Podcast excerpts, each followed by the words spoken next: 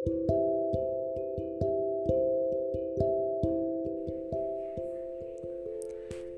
memang tidak paham atas apa pun yang membuat hatimu karam.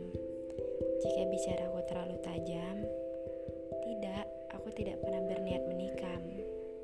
Ya, aku tahu. Mungkin saat ini kau tak bisa menerima apa pun kecuali telinga. Telinga untuk mendengarkan segala peluh yang kau pikul berlarut-larut.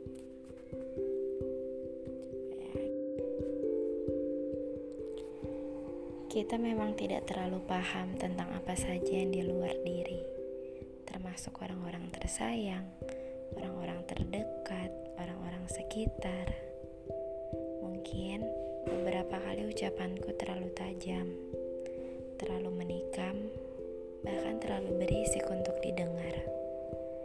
Mungkin saat itu aku hanya sedang bingung bagaimana membantumu, tidak hanya sekedar memberikan telinga.